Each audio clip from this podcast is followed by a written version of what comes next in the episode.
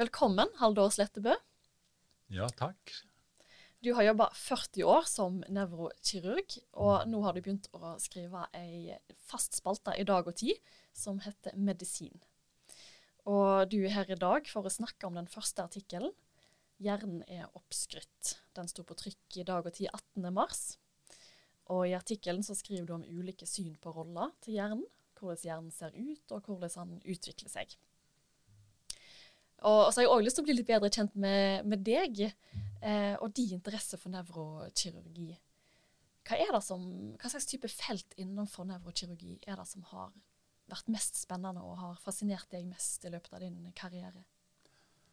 Ja, det er jo svært mange felt, men eh, de siste ti åra av karrieren har jeg drevet mest med eh, hjerneblødninger og utposinger på blodårer. Og eh, eh, med en spesiell type ansiktssmerter som kommer i anfall. Lynsmerter i ansiktet. Mm -hmm. uh, dette er tilstander som det finnes god behandling for, nevrokirurgisk og medisinsk. Men det er vanskelig behandling. og uh, det er stadig noe å lære om den behandlinga. Og det har fascinert meg. Jeg ser jo for meg at uh, både det tekniske og kunnskapen om disse ulike hjernesykdommene har utvikla seg og endra seg masse de 40 åra du har jobba med dette. Ja, kan du si noe Absolutt. Ja, det har vært store endringer i, i, dette faget siden jeg kom inn i det i 1979. Mm. Uh, først og fremst de, det aller tydeligste kanskje er jo da billeddiagnostikk med CT, datastyrt røntgen, og med MR, magnettomografi, som gir bilder av hjernen der en før bare så eh, skugger, vil jeg si. Ja. Og De bildene blir mer og mer detaljerte ettersom teknologien utvikler seg i denne perioden, siden jeg var ung læregutt i nevrokirurgi. Mm. Men det er også andre ting som har skjedd. Veldig mange andre ting. da. Altså Anestesien er blitt mye bedre, altså narkosen og sånn. og intensivmedisin. Og teknologien omkring operasjoner er også blitt veldig mye bedre. Ja. Og kunnskapen øker også. Så det har skjedd veldig mye. Og det som var rett behandling i nevrokirurgi for 40 år siden, er sjelden rett behandling i dag. I dag er det mm. helt forandra. Har du noen dømme på noen type behandlinger som har endra seg veldig? Ja, f.eks. den der med hjerneblødninger fra utposninger. Den har jo endra seg veldig fra da jeg begynte, til at da var det ganske famlende behandling. En ville gjerne vente og se med å operere pasienter og stenge den utpostinga som hadde sprukket. Men i dag så er en veldig offensiv. Hvis det er en utpostning i hjernen som har sprukket, så vil en, og lagd hjernehinneblødning, så vil en operere den utpostinga mm. så fort som mulig enten kirurgisk, at en åpner skallen og går inn og setter på ei klemme, eller fra innsida ved at en går inn i blodårene på ei røntgenavdeling og fyller opp utposinger med metallkveiler, faktisk. Men generelt, denne interessen din for nevrokirurgi, du nevnte jo at det var en del felt som var ekstra spennende. Men hvordan havna du i Hvordan ble du nevrokirurg? Det var iallfall helt tilfeldig. da. Altså, Jeg var, arbeidet på legevakt eh, helt tidlig i karrieren min, og da hadde jeg veldig lyst til å bli anestesilege og akuttmedisiner. Men jeg fikk aldri jobb på en slik avdeling. Men da søkte jeg i stedet på en annen avdeling, nevrokirurgi, og der fikk jeg jobb. Og det visste jeg veldig lite om. Men jeg husker godt at jeg grua meg, for at jeg tenkte det var veldig alvorlig og dystert. Ja. Men det inntrykket måtte jeg jo justere veldig fort. Heldigvis. ja, du tenkte at uh, de som har uh, utfordringer med hjernen eller sykdommer i hjernen, at det bare var dystert? Ja, det var vel eh, et bilde jeg hadde fra studietider. Da, mm. da visste jeg jo ganske lite om hva det var, men i dag har jeg jo et helt annet bilde. Og jeg syns det har vært et helt fantastisk fag å være med i, og jeg har hatt glede av det helt til jeg slutt, fram til jeg slutta for bare noen måneder siden, i mer enn 40 år. Mm. Av å lære nye ting hele tida. Fascinerende fag på alle måter det er viktig for, eh, selvsagt for de som har sykdommer igjen, nå, at de får veldig god behandling. Og, og eh, det er veldig interessant for oss som behandler, og det er veldig gjevende også, for vi ser at behandlinga virker veldig godt hos veldig mange pasienter. Altså. Mm. Og det er jo også noe som har forbedret seg kraftig på de 40 åra. Ja. Ja. Jeg kan godt komme litt inn på dette her til slutt, eh, at, at vi ser litt tilbake på, på karrieren din. Eh, men før da, så når jeg først har en hjernekirurg i studio, så jeg lurer jeg veldig på om du kan ta oss med inn på operasjonsbordet når du har da åpna skallen på en pasient.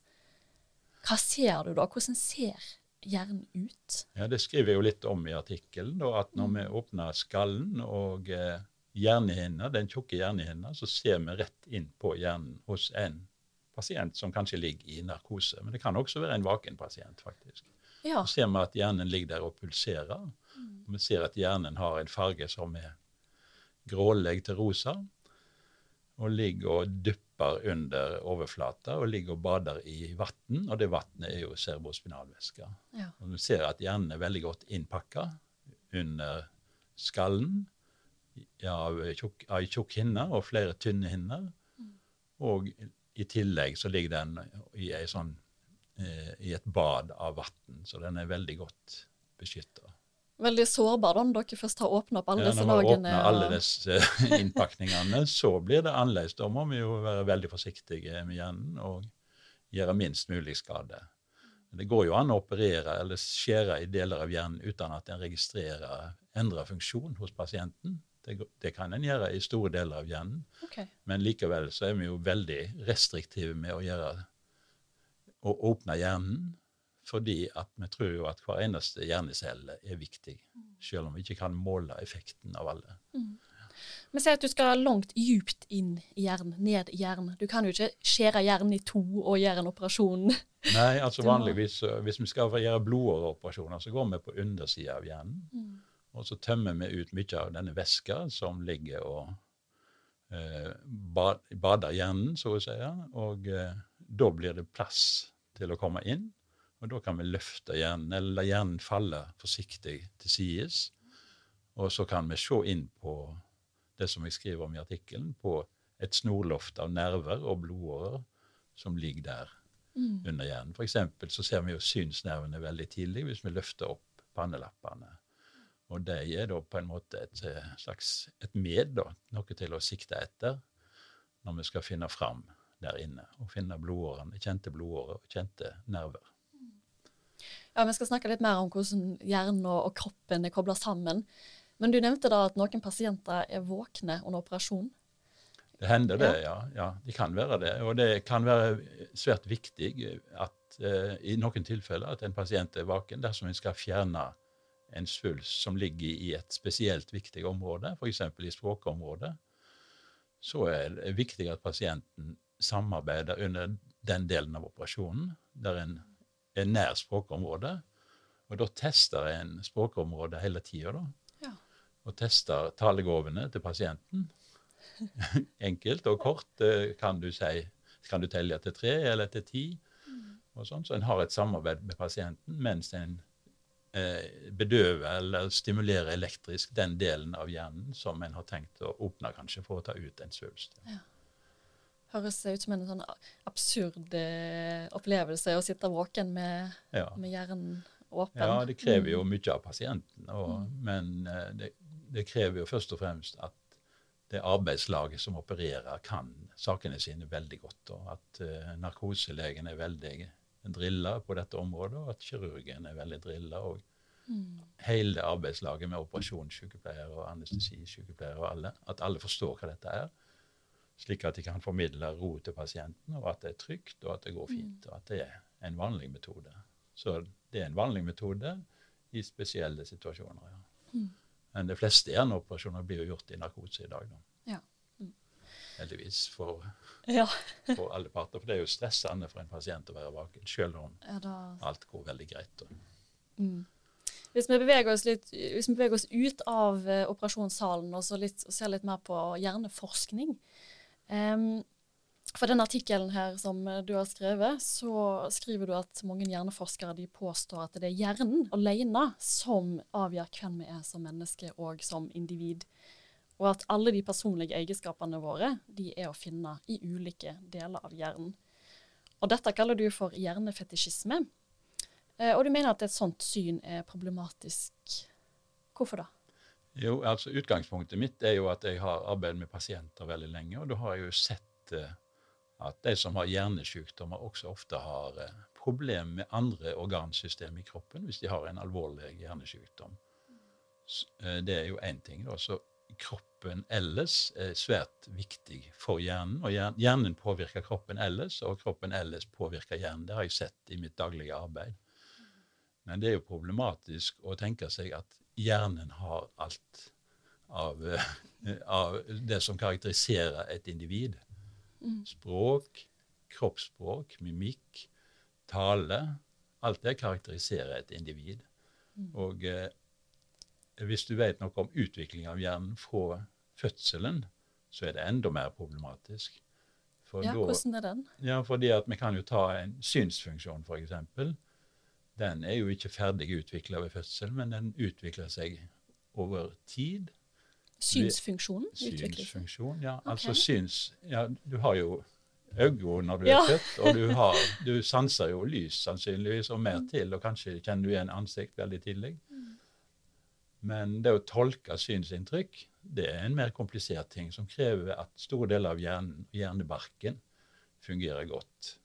Og det utvikler seg over tid. Og hvis du ikke har syn når du er født, så vil den utviklingen bli mangelfull. Så hjernen utvikler seg ufullstendig i den delen som har med å tolke syn å gjøre. Og Språkfunksjonen er litt av det samme. Den Ja. utvikler seg over år etter fødselen og er helt avhengig av samspill med, med deg sjøl, at du hører stemma di, og samspill med andre Mm. hele tida. Men er det noen Det må jo være noen områder i hjernen som er spesifikke for uh, ulike typer uh, Kanskje er noen deler av personligheten, da, eller følelser. Kan du finne en plass? Altså, der var frykt, eller der var Ja, Det har noen påstått, men jeg tillot meg å tvile på det. At sånn kompliserte funksjoner tror jeg ikke en kan klare å lokalisere. Språkfunksjon kan en lokalisere delvis til venstre hjernehalvdel hos de aller fleste. Til et avgrensa, eller ikke helt avgrensa område av venstre hjernehalvdel. Og eh, motorikk, altså styring av rørsler og sånn, kan en lokalisere til deler av det som heter isselappen. Altså høyre hånd er da styrt fra venstre isselapp. Eh, Men eh, hvis du snakker om mer fine rørsler, sett at du skulle spille piano eller drive med turn eller hva det var, så krever det jo mye mer enn et lite område. Da er det større deler av hjernen som må inn i bildet, og mer kompliserte ting. Så jo mer kompliserte funksjoner vi snakker om, også kjensler, sjalusi eller hva det måtte være, og eh, slikt, de er vanskelige å lokalisere i hjernen. Men en ser jo at noen hjerneavsnitt er spesielt viktige for eh, ja, frykt, ang angest, depresjon.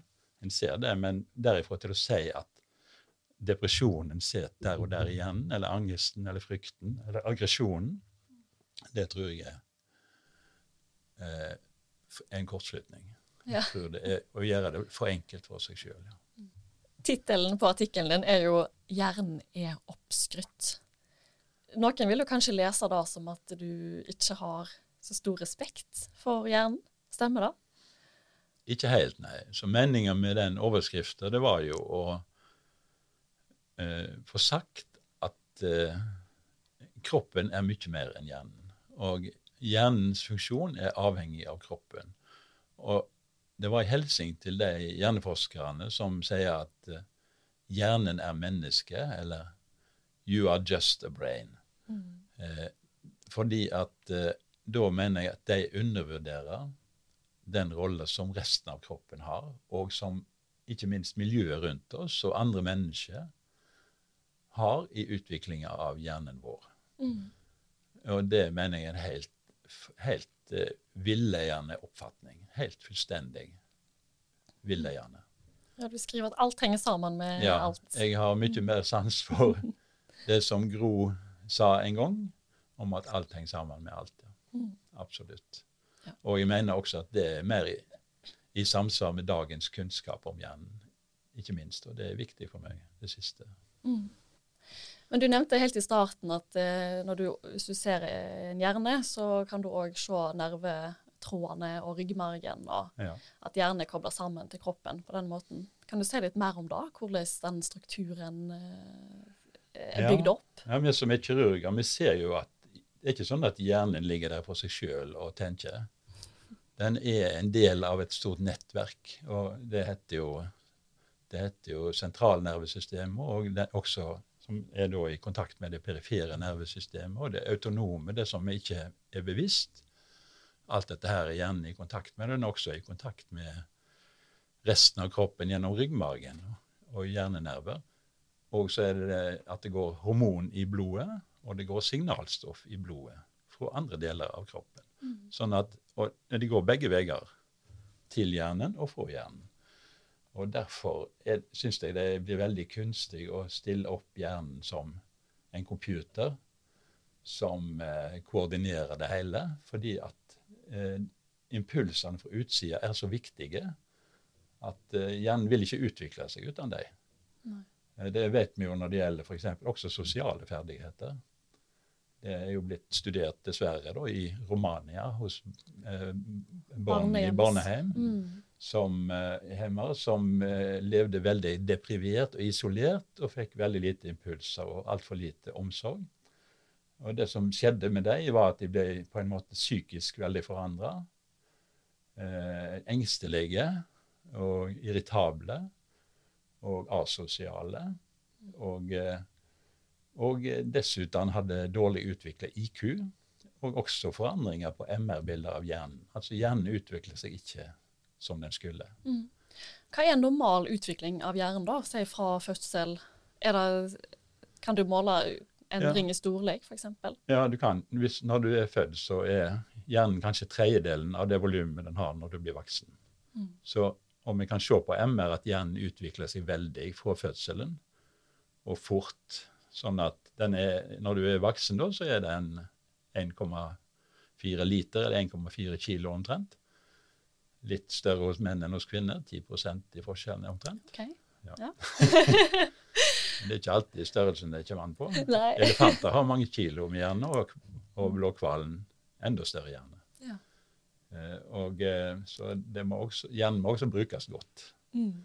og eh, den, Så den utvikler seg i volum, og den utvikler seg også i, i kan du si, ferdigheter. Da, altså evne til å snakke, tenke, se, tolke synsinntrykk, tolke hørselsinntrykk og lyder. Også det sosiale ferdigheter, og relasjoner. Mm. Alt det der utvikler seg over tid. Eh, og det å også kontrollere seg sjøl og filtrere, filtrere informasjon fra omverdenen ganske på en spesiell og fin måte. Også synsinntrykk eller hørselsinntrykk. Men filtrere det hele tida. Mm. Og det, det, er jo en ganske fin funksjon som er viktig, for ellers vil kanskje hjernen bli helt overbelasta mm. av alt mulig rart hvis alt var like viktig. Men eh, hjernen den, eh, den er ferdig utvikla når du er 25 år. Cirka. Ja, Vi sier da at da er hjernen liksom mogen. Da, da er, mm. og Det gjelder jo da dette med relasjoner og impulskontroll. og å tenke langsiktig, kanskje. Det er ganske viktig. Og det er en funksjon som sent kommer på plass. da, Planlegging på lang sikt. Du nevnte at, um, at, hjernen endrer seg med ytre påvirkning og f.eks. fingerferdighet. Og du skriver òg i artikkelen at med intens fingertrening så kan en del av hjernen, altså volumet, øke faktisk. Ja. Da kan skje, Si at du begynner å spille piano når du er 26 år. Eh, så kan likevel hjernen endre seg etter det. Ja, den kan det. Altså hvis du trener iherdig. Men eh, det er mange sånne ferdigheter da, som har eh, på en måte en optimal periode i livet. Da, der du F.eks. det med språk det må du lære veldig tidlig. Mm. Og Det samme gjelder litt av motorikk og turn og pianospill og sånn. Det er jo gunstig å lære det tidlig i livet. Mm. Men vi vet at hvis du er helt uh, besatt av trening så Det var et eksperiment jeg refererte til. at Hvis du trener én finger hver dag ganske lenge og uh, Bare, liksom, bare ta, trener den ene ja. fingeren hver dag veldig lenge, i tre måneder kanskje, så kan en se på MR at et lite område utvikler seg. Mm.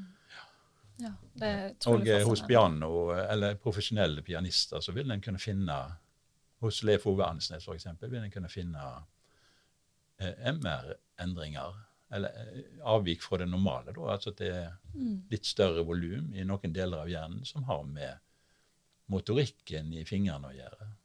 Men det er, også, det er jo ikke sånn at alt blir styrt for hjernen. Det er også, det er også noen lokale funksjoner i hendene, sannsynligvis. Mm. Så det er ikke sånn at hjernen er liksom bare datasentralen. Det er også et samspill mellom hjernen og hendene Ja.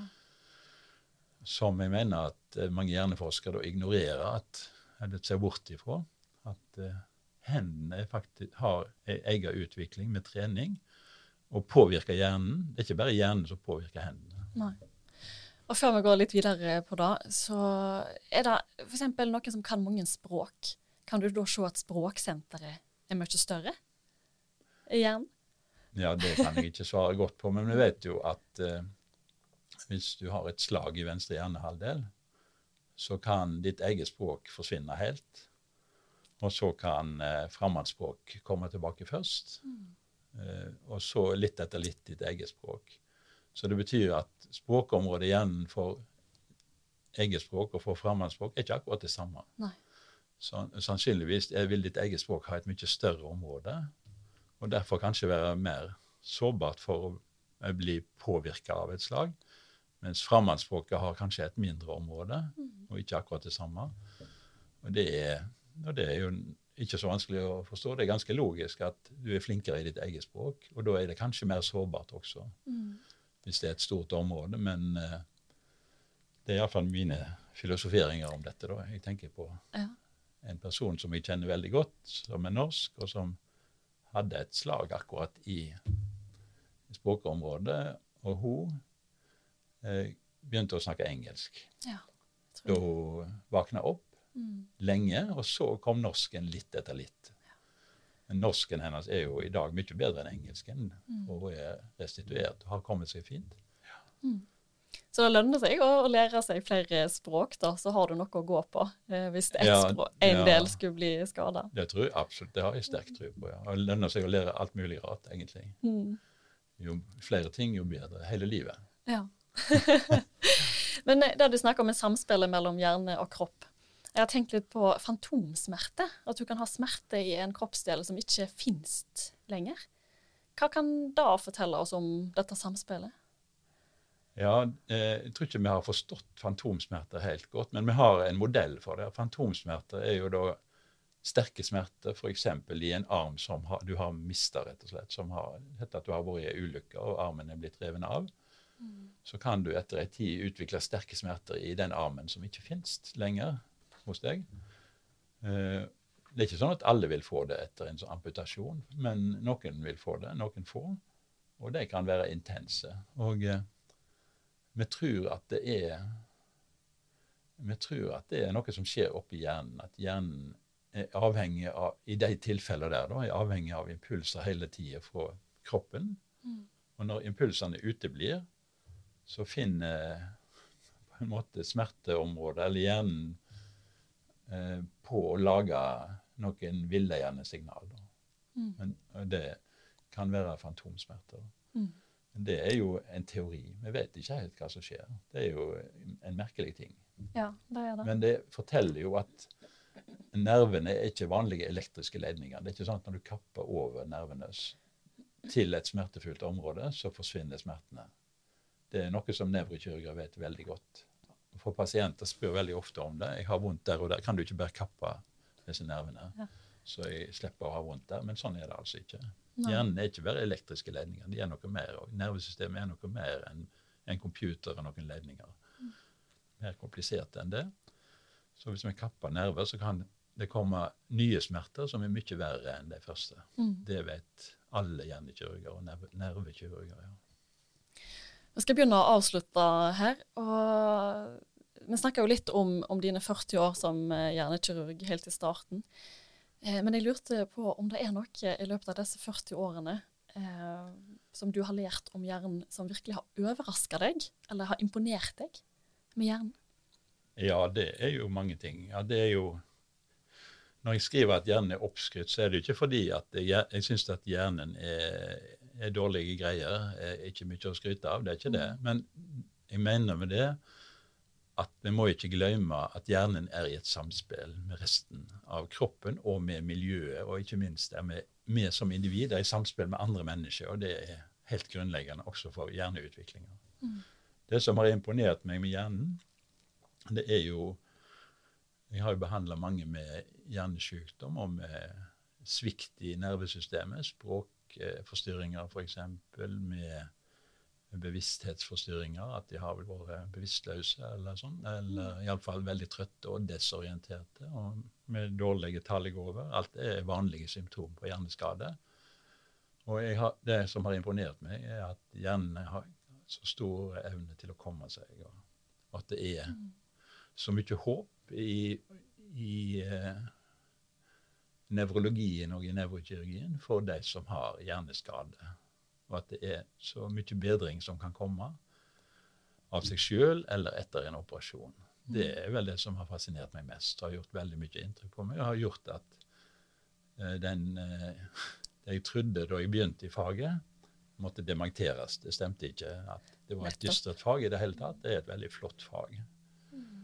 som kombinerer noe veldig viktig for enkeltmennesket med noe som er vanskelig og veldig fint, og det er altså store muligheter. Mm. Det er mye en kan gjøre. Det er ikke magi, men det er mye en kan gjøre. Mm. Er, derfor har det vært så gøy å være nevrokirurg i mer enn 40 år. Haldar Slettebø, tusen takk for at du var gjest her i Dag og Tid-podkasten i dag. Tusen takk.